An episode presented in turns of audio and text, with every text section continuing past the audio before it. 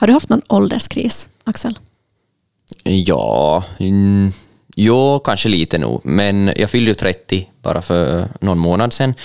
Men jag skulle säga jag la in den i och med att vi flyttade och renoverade en lägenhet och sådana där saker. Sådana där större beslut än en födelsedag. Mm. Eh, då tenderar jag att få ålderskris kanske. Okej, okay. just ålderskris specifikt. Ja, ja eller som när man känner att man som tar ett steg in i någon ny ja. uh, typ av vuxenhet eller sådär. Ja. Eh, så tydligt att, att som köp lägenhet och, och flytt närmare hemort och sånt mm. är sådana saker som på något vis uh, tydligt signalerar att, att okej, okay, men nu, nu är man lite äldre. Mm, mm. Precis. Nå, vad heter det här? Ålderskris och livskris är något som temat i tv-serien som vi har kollat på till idag. Mm, Så den handlar starkt om det. tema. Mm, ja. Dock ligger de lite före oss, vi är ju 30 båda. Ja, och de Så. här är liksom 40 plus. Mm. Ja. Men, men du då, har du hunnit ha någon ålderskris? Eh, nej, alltså jag fyllde också 30 i höstas, men jag skulle nog inte säga att jag har någon ålderskris då. Jag, jag tycker jag hade som tillräckligt mycket med kriser när jag var 20 någonting, så nu får det gärna vara som ja, ja, lugnt ett tag. Det är stabilt. Ja, det är stabilt, mm, ja. Det är superbra. Ja. Mm. Nej, men vi har kollat på, på Fleischman is in trouble. Den finns på Disney+. Plus. Mm. Eh, och vad heter det här? Så den ska vi prata om. Och sen kommer också Patrik Back. Han är kulturchef här på Vasabladet. Så han ska komma och prata Eurovision med oss. Mm, det blir spännande. Ja. Jag har sådär halvbra koll i år. Ja. Um, och, och, jag är väldigt hypad för det här årets Eurovision. Så mm. jag ser fram emot att höra så här expertsynvinkel på det. Japp, och så blir det kanske lite tippning. Det gillar ju du. Ja, jo, mm. absolut. absolut. Det här är Vasabladets Österbottens tidningskulturpodd Åman och Öman.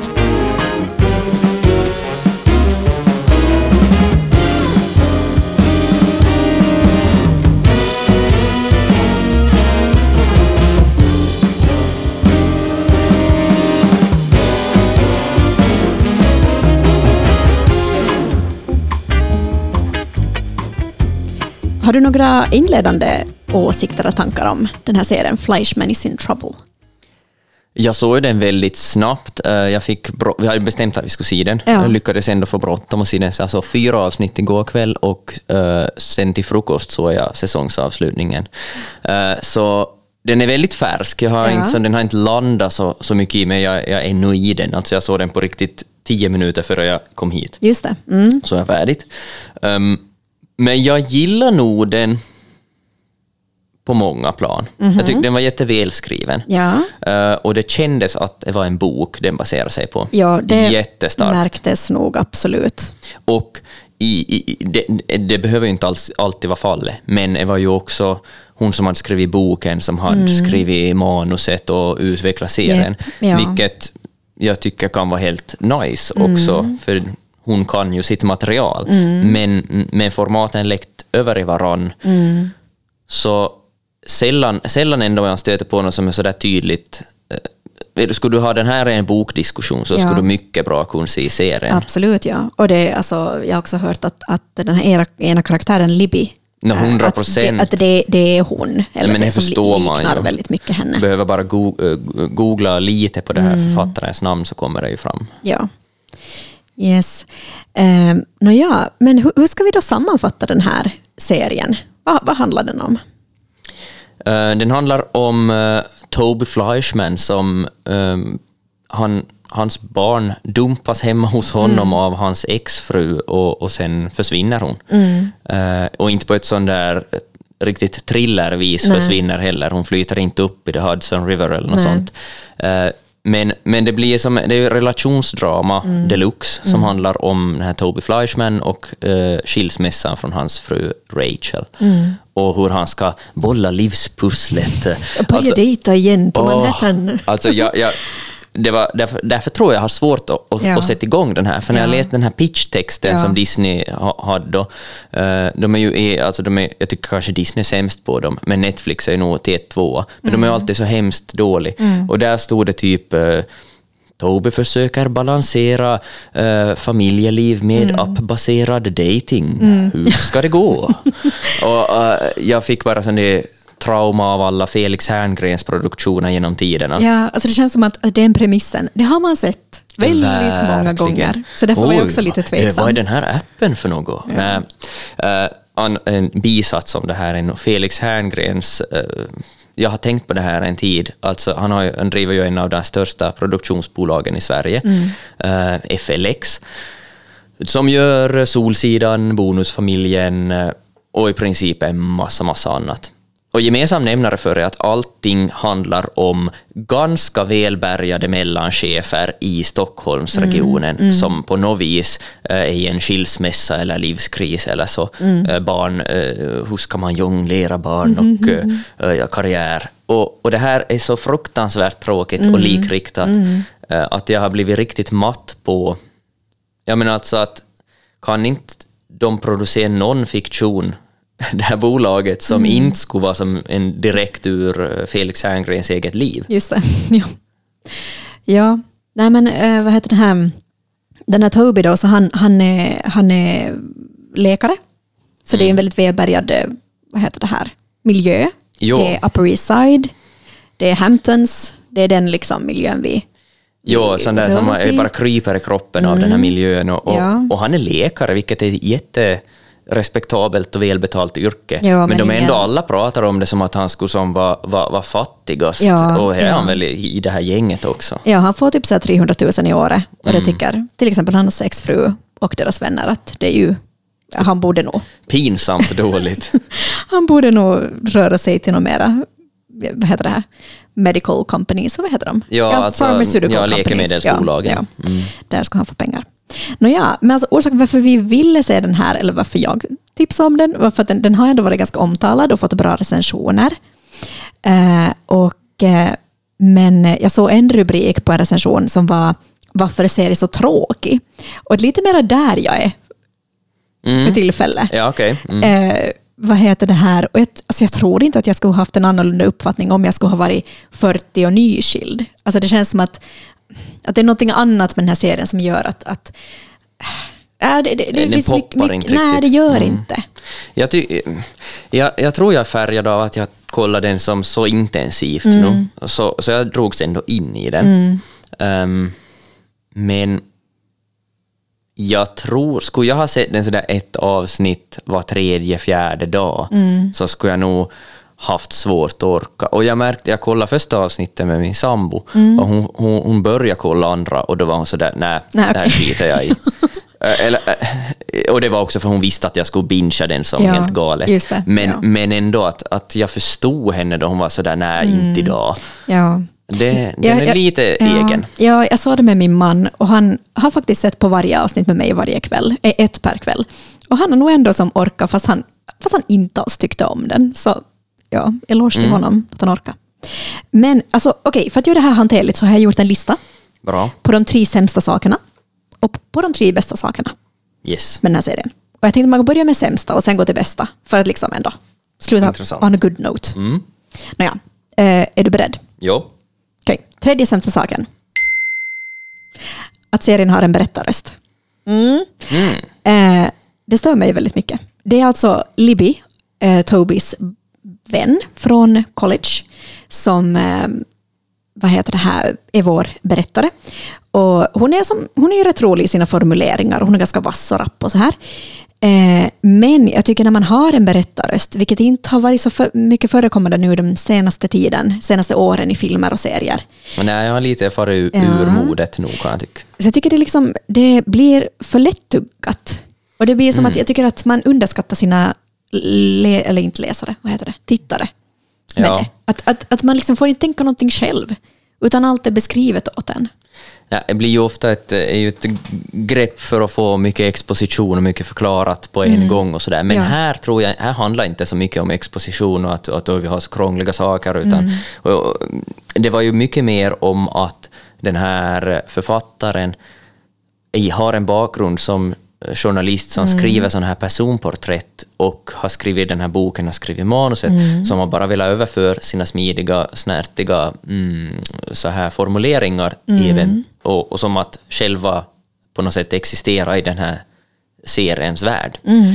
Uh, så jag tyckte det var tydligt att det var styrt av den anledningen nog, att det var, det kan ju nog hända att någon som inte skulle ha skrivit boken själv skulle ha valt ett annat sätt. Mm. Ja, jag förstod nog att det var så mycket som att lämna från romanen med det, alltså formuleringar, det är som rakt tag, mm. taget från, från romanen.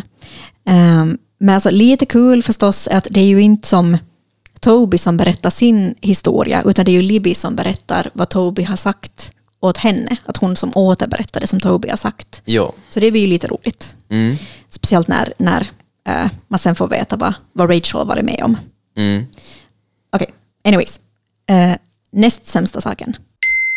Du, har, du och jag har ju talat om att det senaste åren har kommit mycket filmer och serier som har kritiserat eh, så överdriven rikedom väldigt bra. Ja. Så White Lotus, Triangle of Sadness. Och de här, den här serien försöker ju lite göra det. Ja, men ändå alltså den lyckas ju inte. Den bara dopp, de är ju bara som att gotta sig snarare mm. i den här. Nu kan man ju, är ju lätt att sparka på de här hemmamammorna som tjänar miljoner på, eller inte knarkpengar, utan på, på sån här opioid, ja, opioidkrisen och mm, sånt. Ja, ja alltså för att hon den här Rachel då, exfrun, hon är ju besatt att vara del av den här the one percent. Mm. Eh, och eh, medan Toby lite mer motarbetar det och mer så förfäras av hans barns värderingar. Eh, till exempel hans son Solly viss vill ha golflektioner och Hannah vill inte som att hennes rika vänner ska se hans nya, mera sparsmakade lägenhet. Och sånt. Um, ja, men jag tycker att, att liksom, fast Toby ändå ska vara den här som kritiserar den här miljön, så går ju inte heller kritiken, den löper ju inte linan ut. Uh, det faller lite platt. Uh, jag tycker att de här serieskaparna försöker liksom få Rachel och Tobys och Libbys problem att vara som universella. Mm. Men de är ju inte det. Det är ju Nej. ändå så här rika personer i Manhattan-problem.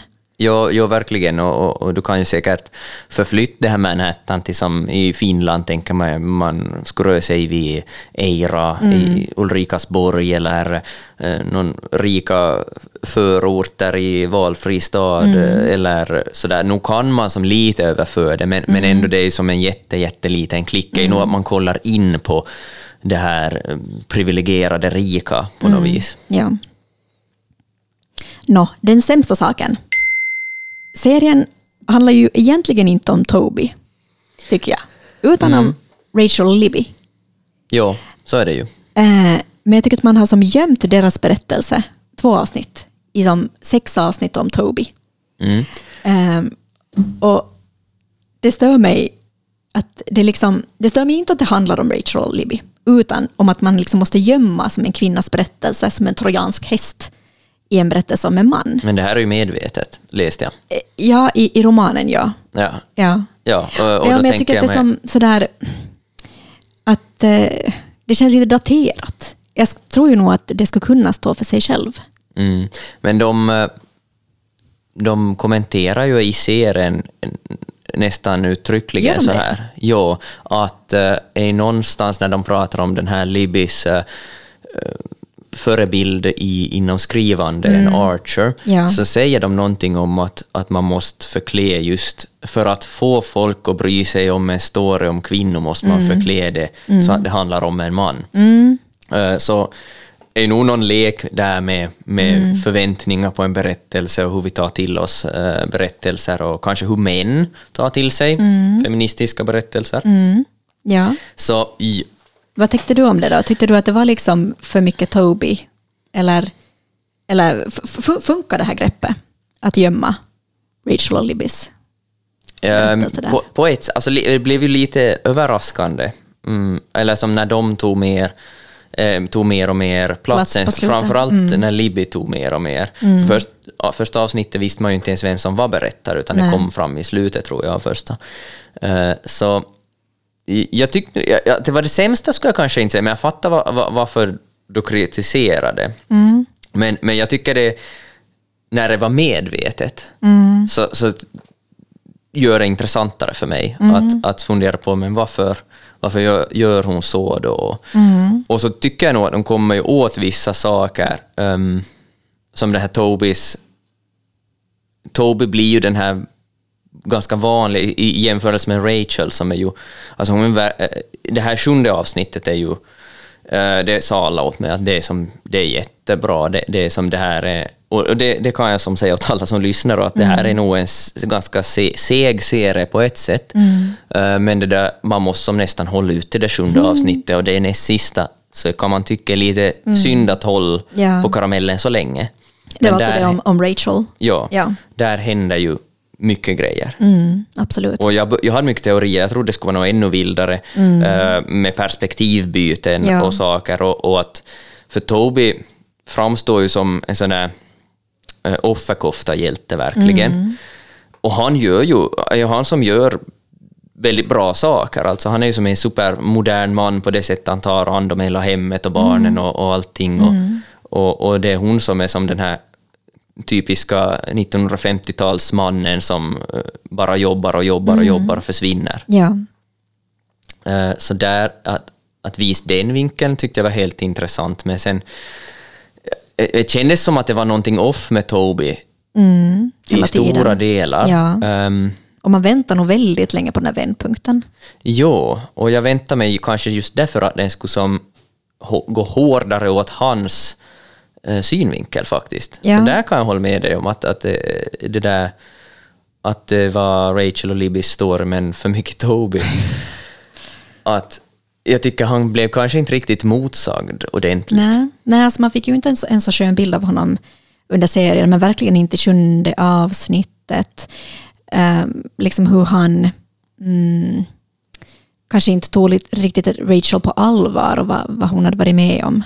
Mm. Um, så det var ju inte ett, ett så charmigt porträtt av honom. Men, men, men nej, som du säger, han blev ju inte riktigt ställd mot väggen någonsin. Nej. Men sen var ju inte ett charmigt porträtt av någon riktigt. Nej, nej absolut alltså, inte. Alltså, jag tycker det var, och det var de tydliga med också i, i sista avsnittet eller något, just att alla är som, alla är, är har brister. Mm. Och, och, det var nog jättetydligt i den här, för det fanns ju som ingen som var, som var superbra. Nej. Precis. Verkligen inte. Nej. Nåja, men ska vi gå över till de bättre sakerna med serien? Mm. Mm. Okej, okay. tredje bästa. Alltså de här barnskådisarna. Eh, Hannah, alltså Tobis och Rachels dotter, eh, spelad av Mira Mahoney Gross. Och eh, Solly, spelad av Maxim Swinton.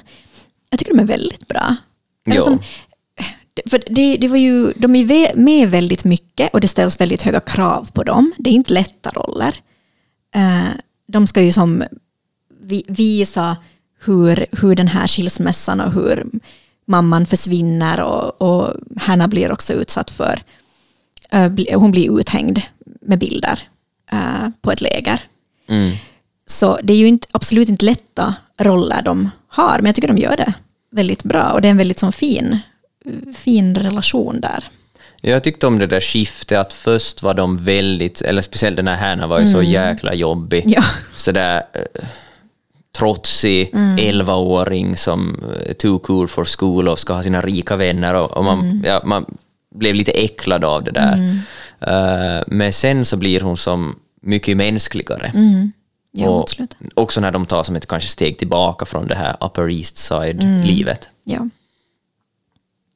Näst bästa saken tycker att den visar på ett bra sätt hur en story bara sedd från en person, som, som det är liksom från Toby, en stor del av tiden, att det är inte det är inte pålitligt. Att Toby är ju inte en pålitlig berättare och inte kanske Libby heller.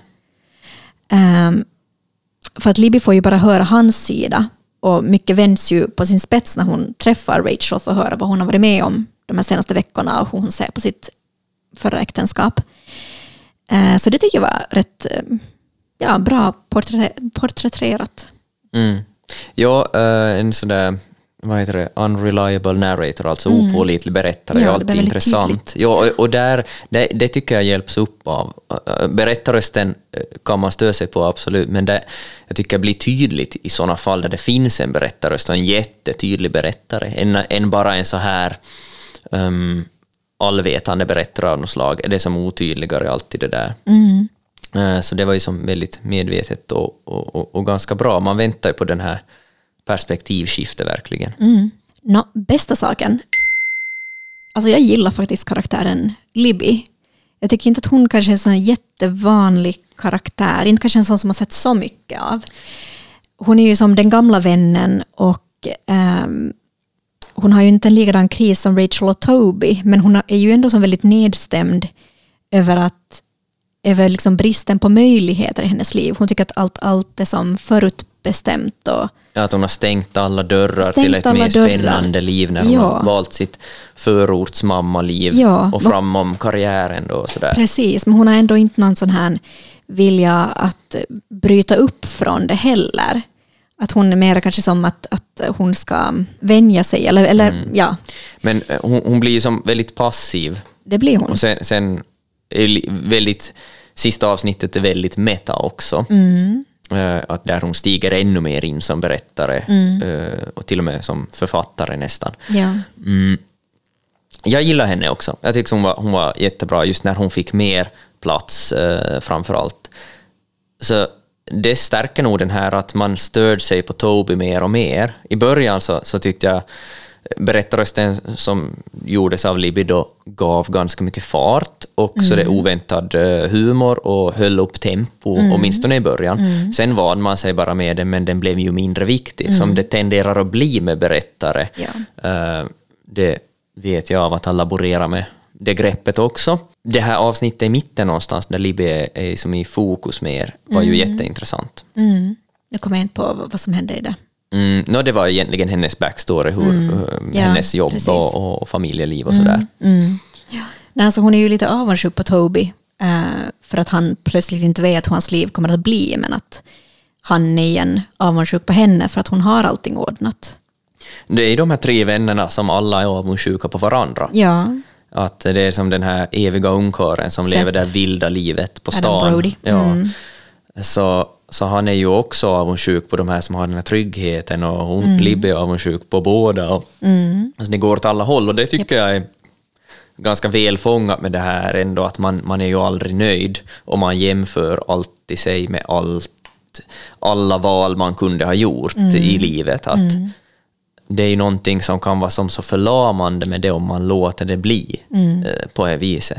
Mm. Att man tänker, men tänk om, tänk om, tänk om. Mm. Alternativa liv och verkligheter. Det här är som lite som Everything Everywhere All At Once som vi också så, har ja. pratat om. Mm. Och The Midnight Library av Matt Haig har jag läst i, på samma tematik och så. Men mm. väldigt olika verk det. Men, mm. men ändå att, att det är som ganska klassiskt tema. Men, mm. men jag tycker de tog sig an väldigt realistiskt i den här. Uh, jag gillar det här med hur de såg på, eller tog upp det här med ambition och det här ambitionsmonstret som de beskriver mm. ibland. Okay. Ja. Att hur... Rachel eller Libby eller båda eller? Nå, allihopa egentligen. Mm. Det kretsar ju som en del kring det nu. Men nog kanske främst när Rachel blir ju helt uppslukad av det här uh, jobbet endast och mer pengar, mer pengar, mm. det räcker aldrig. Nej, hon är teateragent, mm. hittar nya skådisar och så. Och den här Toby som då är läkare och nöjd med sitt jobb där han räddar liv och, mm. och hjälper människor mm. uh, och bara möta hån för det. Alltså, mm. jag tycker jag är så sjukt också. Uh, att, att, han blir bara hånad ungefär för att han mm. inte vill tjäna mer pengar. Och det är så jätte, jätte, ja, så jätteamerikanskt ja. också, tänkte jag på flera gånger här. Att, att han säger något sånt där um, som är som inte alls något drastiskt att någon gång är det ju också nog, att man har enough. Mm. Uh, och det, det är någonting som jag läste i någon jotto om varför, varför Finland är, är som ratas som lyckligaste landet har kanske att göra med att vi har en förmåga att veta när det är nog och när okay. det räcker, mm. när man som kan vara nöjd med vad man har. Mm. Som till exempel då saknas uppenbarligen i, vissa delar av USA mm. i alla fall.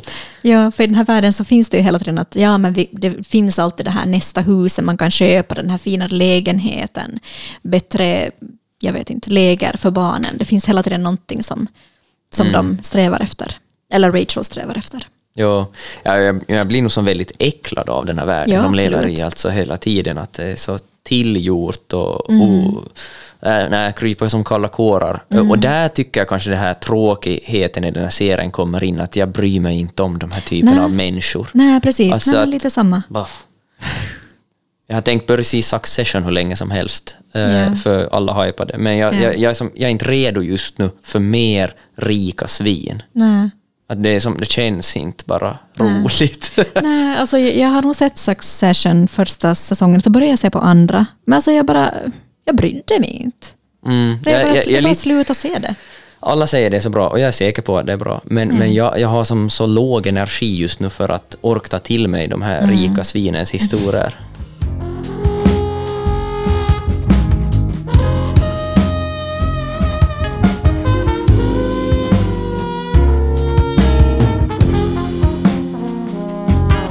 Nu har vi fått med oss kulturchef Patrik Back som ska ge oss en sammanfattning av Eurovision. Välkommen. Tack, eller carpe diem som vi som har lyssnat på Slovenien säger. ja, ni, ni, är, är ni många? Mm, inte jättemånga befarar jag. Nej, nej precis. Mm. Kommer Slovenien eh, komma sig till final i år? Det finns chans eller risk beroende på hur man bedömer. Okej, okay. så carpe diem, är det här, är det här årets eh, bottennotering? Uh, Nej, det skulle jag väl inte säga. Det jag, jag, jag har inte koll på alla ännu riktigt sådär. Det, det händer ju en del sen när man börjar se själva showerna också. Så att, eh, men ähm, låttitelmässigt är det väl en ska vi säga bottennapp, men det är väl kanske inte nytänk om vi... No, nej. Mm. No, ja, men alltså um, semifinalerna kör igång nästa veckas tisdag, mm. 9 maj. Mm. Och sen är det final den 13 maj, alltså nästa veckas lördag, i Liverpool. Det skulle egentligen vara Ukraina som är värd, men att det, ja, PGA-kriget så, så är det i Liverpool. Eh, men ja, vilka är förhandstippade att vinna? No, det här är ju ett ganska tror jag, unikt år. Ja, alltså, att Sverige är förhandsfavorit, mm. det är ju verkligen inte unikt. Men jag undrar om någon gång att det har etta och tvåa på oddslistan har varit Sverige och Finland som mm. det för tillfället. Jag undrar om nu har jag inte riktigt koll på oddsen genom åren, verkligen inte, men det där åren när Lordi vann så mm. representerades ju Sverige av Carola. Ja, just det. Och då var, det, då var ju båda med i förhandssnacket. Mm. Men, men så här tydligt har det nog inte varit på de senaste mm. tio åren. Att, att, eller Finland har väl egentligen nästan aldrig varit med som förhandsfavorit. Så, okay, så på det, det sättet är det ju unikt. Och det är ju, en, det är ju ganska häftigt att första semifinalen också innehåller både Sverige och Finland. Mm. Så, så vi får ju en rivstart på hela Eurovisionsveckan. Vi, mm. vi, vi Finland, eller vi österbottningar som ju följer Melodifestivalen också, så blir det ju en liten ha koll på Sverige. Mm. mm. Ja. Nej, jag såg att de hade haft repetitioner nu i helgen och att eh, Finland, det hade gått väldigt bra för Kärje och att folk var väldigt imponerade av honom. Jo, Men det de... var kanske fansen som tyckte att han, att han var bättre än Tattoo, än Loreen det är möjligt. Hela den här grejen är ju att, att det finns ju nu, nu har ju repetitionerna påbörjats där det finns fans i arenan och sånt. Mm. Och, och de är ju de är väldigt hängivna, går ju in med väldigt starka åsikter. Och, och, men, men det som verkar vara tydligt är att de har Kärja, eller Finland har, har skruvat till sin scenshow och gjort mm. den mer suggestiv. Mm. Vilket också är ganska cool på något sätt, för det är ju också Sveriges paradgren mm. mm. i, i det här på senare år. Så både Finland och Sverige kommer med ganska så här lite mörka, suggestiva shower. Ja, uh, jag, jag har faktiskt inte följt med så mycket andra länder än just Sverige och Finland och, och den här toppstriden som, som ganska tidigt eh, utkristalliserades att det kommer vara, eh, Sverige och Finland kommer ligga högt i år och var så diametralt olika och jag tycker är så fräscht för vi har Alltså speciellt vi som finlandssvenskar och österbottningar har ju som så länge varit som oj, fan alltså att vi ska vara så dåliga. Att vi har haft den här, vi kollar på Mello och, och som de producerar 20 låtar som är bättre än den vi skickar. Och så har det varit ganska länge. Men nu senaste åren så har jag som, och jag tror det här börjar kanske märkas i S-kretsar och att man man ser igenom det här utstuderade Sveriges, att de, de vågar aldrig skicka någonting som ska vara lite crazy. Nej. Och de är som så jättetillknäppt. Väldigt slipat. Mm -hmm. De är som det här, vi pratar just om uh, New York och Upper East Side, att Sverige i ESK-sammanhang, de här som alltid ska vara som lite bättre än alla andra, och de vet av det och de tycker det, och det gör att de är ju in, på, in, på inget vis en underdog.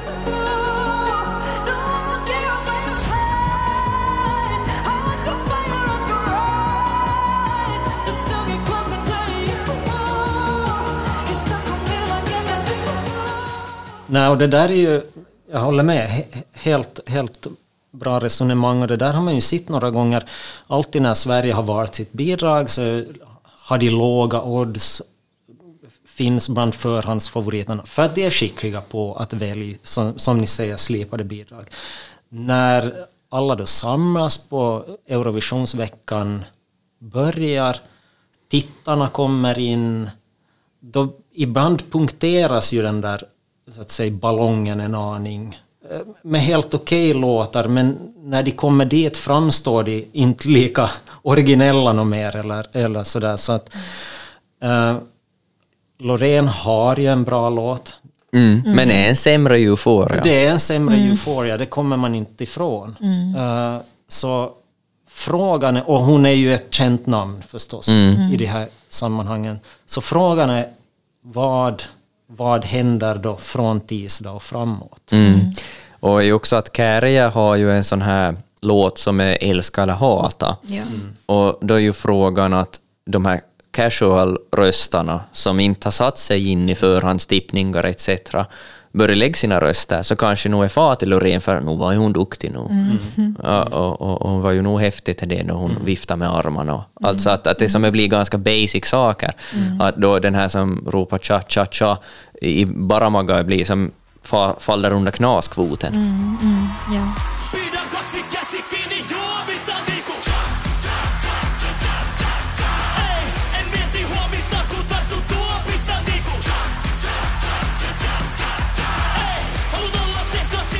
Hur är det med resten av Norden? Hur är det med Island och, och Norge? Och, jag har inte hört någonting om, om dem. Norge ligger relativt högt. De har alltså en sån här poplåt med Alessandra som heter, låten heter Queen of Kings. Mm -hmm. Det är lite så här, lite så där krigisk pop. Mm -hmm.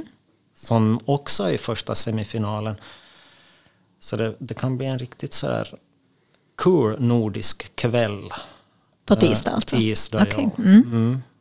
Nu har jag, jag ska erkänna, jag har inte bykoll på Island och Nej. Danmark. Men Island har varit så het i flera år nu, ja, så de, kan med det här Daddy Freyr, eh, så jag tror ja. inte att... Mm. Om inte de har skickat dem så tror jag inte det sker något underverk i år. Det var ju så synd om dem, för de hade två jättebra låtar och fick ju aldrig uppträda. Ja, sant. Det var covid, tog ja, båda två. Just det, ja. Oh, ja, det var ett bra bild. Island och Danmark är i andra semifinalen och Danmark är enligt oddsen sådär på på tröskeln att ta sig till final medan Island inte alls räknas som en, en, en finalist. Mm, Okej. Okay. Mm. Men hur är det, har du några personliga favoriter från startfältet? Uh, nja, jag, ja, egentligen inte på det sättet. Jag, jag, tycker ju, man blir lite så här... Det är ju kul den här du, duellen mellan Sverige och Finland. Den, den är kul, kul i år. Sen, sen har jag en sån här jag ser väldigt fram emot vad Italiens eh, Marco Mengoni, han, han har en sån här klassisk italiensk låt, men han, han, eh, han var med för tio år sedan i Malmö när Krista Sigfrid tävlade. Mm. Och jag har en svaghet för honom för han hade, han hade hela Eurovisionens överlägset snyggaste gröna kostym. Stilren italienare. Och, och, och Frankrike har också sådär de ligger ganska högt också i, i förhandssnacket sådär. Snygg fransk pop. Okej. Okay. Mm. Mm. Ja. Vad heter det här, men hur, um, hur har liksom Eurovision, hur ser det annorlunda ut i, i år? Alltså jag tänker så här, uh, Eurovision det utvecklas ju hela tiden. Men samtidigt så kan jag sakna vissa här tidigt 2000-tal Eurovision-slagar som number one, en favorit. Ja, ja, ja, Elina Paparizou. Ja, ja. ja uh, liksom jo, den, den är den jättebra. Den stilen mm. kan jag lite sakna. Men, men ja, hur, hur, hur ska man karaktärisera Eurovision 2023? Men, men den låt, det är ja. jätteintressant att du nämner den, för den är ju på något sätt också en sån där, om inte startpunkt, men en väldigt sån tydlig delare när, när en, en Eurovision-låt uh, blev en hit utanför Eurovisionen. Ja, Före det. det var det ju vissa undantag, mm. jag menar ABBA är ju klassiker mm. sådär. Men, men någonstans sådär att man kunde komma med en ganska seriös poplåt som klarar sig utanför de där sammanhangen och, och, och, och la ju en linje för hela 2000-talet. Mm. Sen har det ju som, ja, farit iväg. Mm. För att möjligheterna till att göra scenshower och sånt mm. är så enorma. Eh, jag funderar på Ukraina. Um, I fjol var ju som nästan givet att de skulle vinna uh, och helt rätt så. Uh, I år känns det där, nu är vi in på andra året av det här kriget och, och de är ju inte de, de är ju nog tippade relativt högt men ändå inte som ingen tror att de går mot seger igen. Det, det är ju som både väldigt logiskt men också lite sorgligt. Mm. Men det ska ju inte vara en politisk tävling, men i fjol var den ju med all rätt. Och det är ju en politisk tävling tycker jag också. Det är en politisk tävling, det kommer man aldrig ifrån. Och, och, och någonstans så, Ukrainas bidrag är ju betydligt mer slätstruket i år.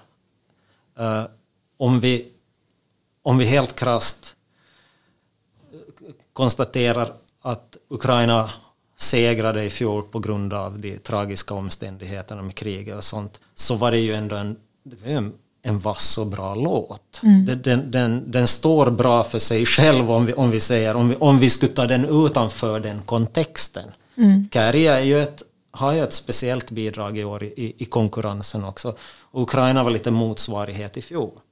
Så, så all heder åt själva låten och, och, och som Ukraina hade i fjol.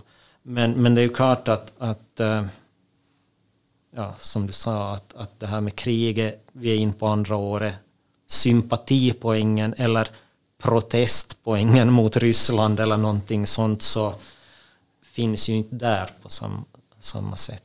Mm. Men, men jag brukar tänka på det här, jag, jag bevakar några, några Eurovisioner veckor på plats, bland annat då i Malmö 2013 när Krista, den senaste österbottningen som har TV. Och, och, och man, man kan skratta och jag, jag, jag driver gärna med Eurovisionen och, och, jag tycker musiken, det är ju inte sånt jag lyssnar på resten av året. Men, men det är ju ett av de få evenemang där flaggviftning känns okej. Okay. Ja, faktiskt. Ja. ja du säger det. Uh, alltså sportevenemang går väl an ja. lite, ja. men det blir, kan nog bli mycket. Ja, ja. Och, och, och just det där... Det låter så banalt, men jag har ett väldigt starkt... Jag har några starka minnen från, från den där veckan där, när jag kom till arenan några dagar före finalen och, och de spelar låtarna utanför arenan i högtalare. Och fansen är samlade och alla, från olika länder och viftar glatt med sina flaggor. Och där fick man en känsla av att då, när jag kom promenerande dit så spelades Danmarks låt som då vann det mm. året. Och man får just den där känslan, den här kommer att bli jättevass mm. i finalen. Mm. Man, man hör det, man, man, man ser och hör det på publikens reaktioner. Men just den där glädjen. Mm. Och uh, med det året så Krista framkallar ju också en väldigt, hon fick ju rubriker över hela Europa eftersom hon kysste en kvinna. Då på, vilket ju upprörd ryssar och, och eller ja, öststater och ryska stater. Mm. Och, och den med, så här tio år senare så tycker man ju wow, bra Krista. Mm -hmm. mm. Jag tänker att det som man tänkte ju att ja, men blir säkert vanligare, men har ju inte har ens hänt sen dess kanske.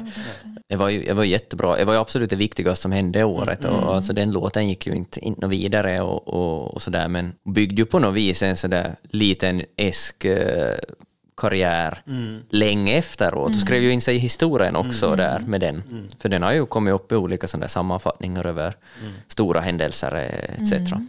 Så det, om Ryssland tycker att det du gjorde är dåligt, så då är det ju ett tecken på att du har gjort någonting bra. Ja. Mm. Nej, men hon, satt, hon satt ju fingret på vad den där veckan också är för väldigt många som reser till Eurovisionen får vara glada, mm. Mm. lyssna på musik, uh, umgås med likasinnade. Uh, jag tror att för många är det faktiskt en, en, en väldigt sådär, en, en väldigt viktig vecka. Mm.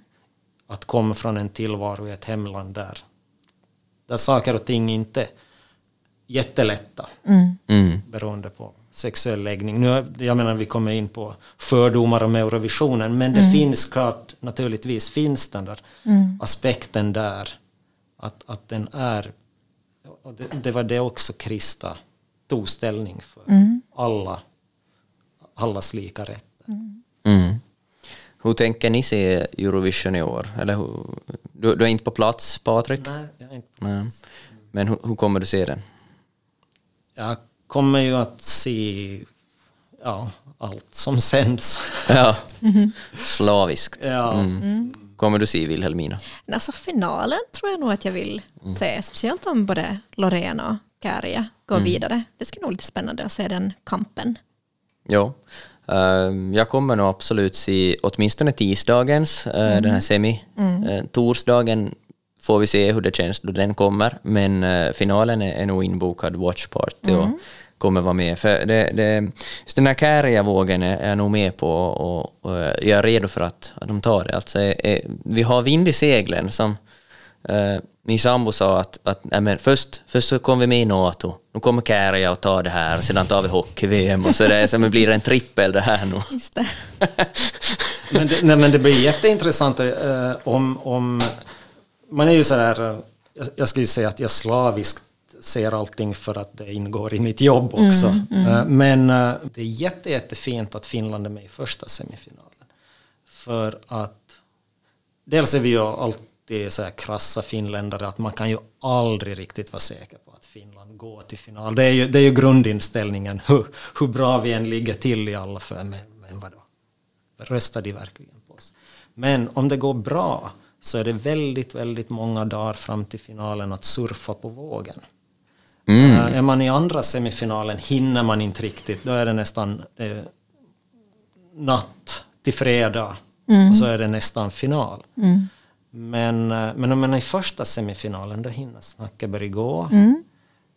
Eh, man kan klättra på oddslistorna, alla vill vara med en vinnare. Sådär. Det. Så mm. att, eh, det var ju en liknande effekt med Blind Channel som inte var lika stor förhandsfavorit men gick till final, imponera, snacket började gå. Man märkte jag minns jag hade barn i dagis där dagistanterna kom fram och det är en bra låt.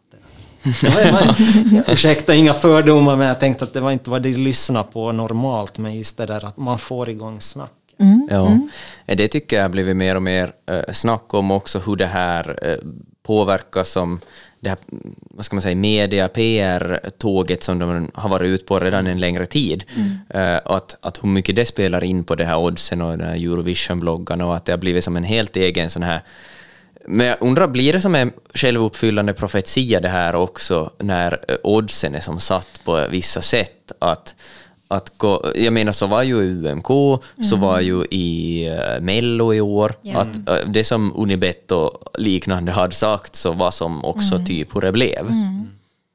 Men man hoppas ju på en just sån där vändning. Mm. Nu minns jag vad jag tror Kärje var 22 procent nu, uh, Loreen var just kring 40. Ja, det där har jag också tänkt på att, att det, det blir en viss sån där, alltså den där de där oddsen alltså, det, det blir som ett facit på förhand på något sätt. Jo, och, och, kan ju ta bort lite av charmen också. Det, ja. och, att det, och att just som du sa, att man vill vara med en vinnare. Man vill mm. också rösta på en vinnare. Mm. Så därför mm. söker sig fler röster tror jag också till. Ju mer man har på den här kommer vinna, den här är mm. tippad, så ja. blir det kanske så. Ja. Mm.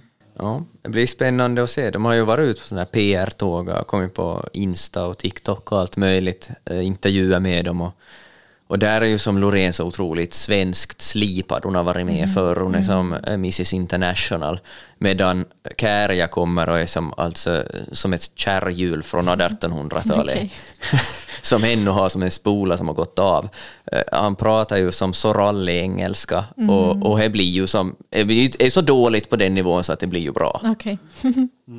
Mm. Jag, jag, jag, skulle säga bara just när man, man uh, ser och hör hur låtar funkar i verkligheten. Nu kan ju förstås Finland inte rösta på sin egen låt, men mm. nyligen var ju, på om hockey-VM, Finlands landslag hockey var ju, spelade ju i, i, i Vasa för någon vecka sedan. Uh, fullsatt Vasa ishall och hockey då spelas det ju massa låtar när, mellan, när, när pucken inte är i spel och uh, vid ett tillfälle så kom ju cha-cha-cha. Och man märkte ju, det, det blev en annan stämning i hallen. Mhm. Det, det blev lite sådär, barnen sjöng med och jag menar, cirka 5000 människor. Man, man kände att det är någon laddning i den här låten som inte brukar existera. Och den är ju sådär, den delar ju, jag menar reaktionerna på sociala medier var ju ganska starka antingen för eller emot när, när Kärja vann. Men den, den har effekt på folk. Det var helt tydligt där i. Mm. Finns det några andra som sticker ut då? Några andra låtar? Eller finns det just någon bottennapp som åtminstone kan vara underhållande?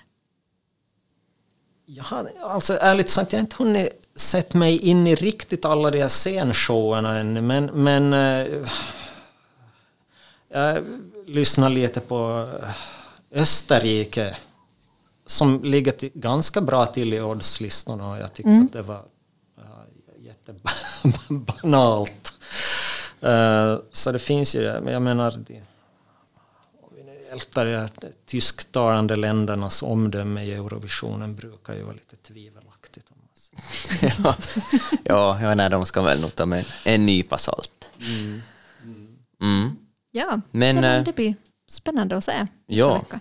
Ladda upp med godis och chips och, Absolut. och, och flaggorna. Vift med flaggorna. Det blir, det blir ett spännande år faktiskt. Det blir det. Mm, Det blir jättespännande. Men tack Patrik. Carpe diem som vi som lyssnar på Slovenien brukar säga. Carpe diem. Carpe diem.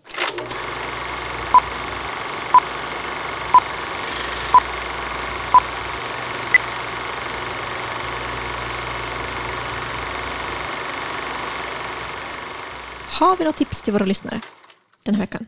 Det tror jag absolut vi har. Jag kan, jag kan börja. Ja. Ehm, Jag såg på Vasteater Vasallen ett gästspel förra veckan, spontant. Um, råkade bara vara var, var i bistron där och så såg jag bekanta som sa du ska komma och se det här. Och så gick Okej. jag och se det här och tog Ja. den sista platsen. Okej.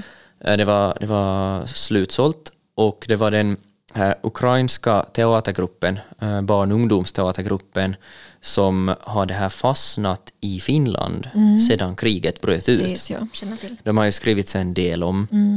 Och eh, de spelar sin föreställning Because It's My Home.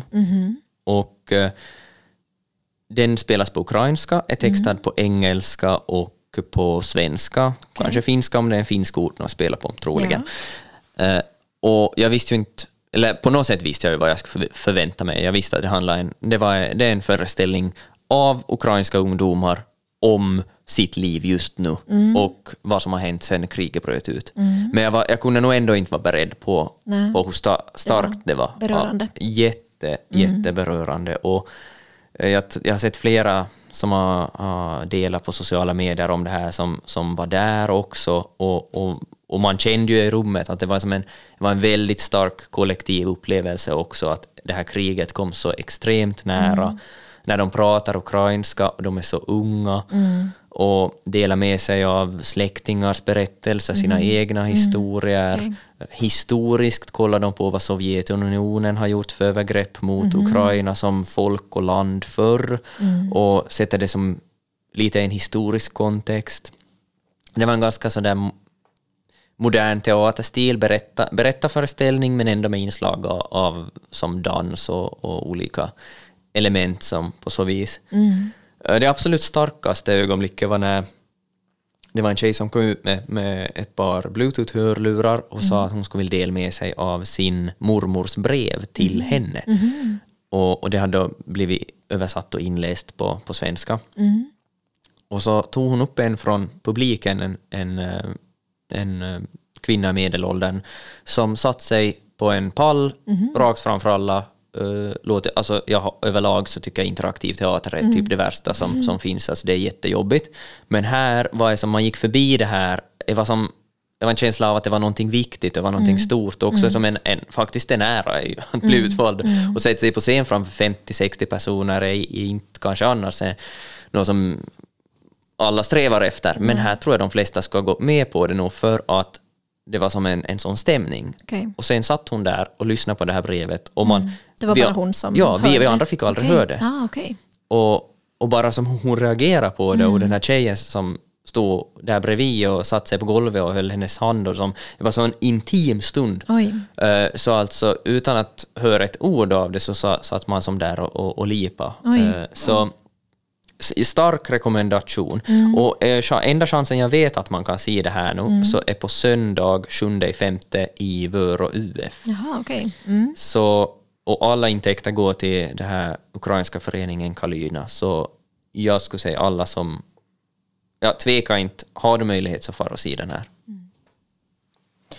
Sen i helgen så är det också bokmässa i Vasa. Ja, Österbottnisk bokmässa. Och du, du ska vara där. ja, ja, ja jag ska vara där på mm, fredag. Mm. Eh, program torsdag, fredag, lördag visst. Åtminstone fredag, lördag. Eh, fredag, lördag, söndag. Söndag. Ja. söndag. Ehm, ja, det, det är roligt att, det ordnas. Det blev ganska sådär Ja. plötsligt hipp som happ. På. Många, många som deltar. Mm. Gediget program. Har du några andra pro- programpunkter du ska få på? Nå, eftersom jag är där på fredag så kommer jag nog se de som är, före mig och, och misstänker nog jag kommer gå dit på lördagen också om inte jag har några andra planer. Eh, en del intressanta samtal då. Ja. ja, vi har författare där som Annika Åman och Rickard Eklund och Vilma Möller och alla möjliga Mm, österbottniska författare. kyllä. Så tips, tips. Um, jag vad heter det, har läst eh, Omständigheter av Annie Arnaud, alltså Nobelpristagaren i litteratur i fjol. Um, jag var lite sen med att läsa henne, men nu, nu, nu fick jag läsa den här boken. Den publicerades eh, 2000, eller år 2000, eh, och eh, kom ut på svenska i fjol. Och hon går igenom dagböcker från från tidigare i sitt liv, från året 1963 när hon gjorde en illegal abort i Frankrike. Och den här var väldigt, väldigt bra, väldigt berörande och väldigt stark skildring. Det är en kort bok, eh, hon beskriver tre månader i hennes liv då. 1963 när hon är en ung student. Ehm, och eh, det som slog mig var, för att hon går också, också igenom hur hon blir bemött av läkare och bekanta och vänner. Eh, och den här desperationen hon, hon kände för att hon ville inte behålla barnet. Och den som hade gjort henne gravid så tog inget ansvar och flyttade bort till en annan stad och allt möjligt. Ehm, och till sist så gör, hittar hon en, en sjukskötare som gör aborten åt henne i, i, i sin lägenhet. Ehm, så, men det som det fick mig att tänka på var att, att hur ändå kort tid det är sedan 60-talet. Jo. Att eh, det är ju ändå som, när jag min mamma var barn, tonåring då, eh, men det, det har hänt så otroligt mycket på den fronten med kvinnors självbestämmande rätt och, och rätt över sin kropp. Ehm, så det, det, det slog mig. För det, det är faktiskt inte, det är inte vackert det som hur läkarna behandlar henne och talar till henne. Och, och Nej. speciellt hur hennes manliga bekanta också reagerar när hon berättar att hon är gravid och inte tänker behålla det. Mm. Så de ser henne som en, en, en otroligt dålig person. Mm. Så ja, det var, en, det var mitt tips den här veckan. Mm. Ja, men det det låter, låter väldigt intressant. Jag borde läsa någonting av henne också. Kanske, kanske det här skulle vara en bra startpunkt. Mm. Ja.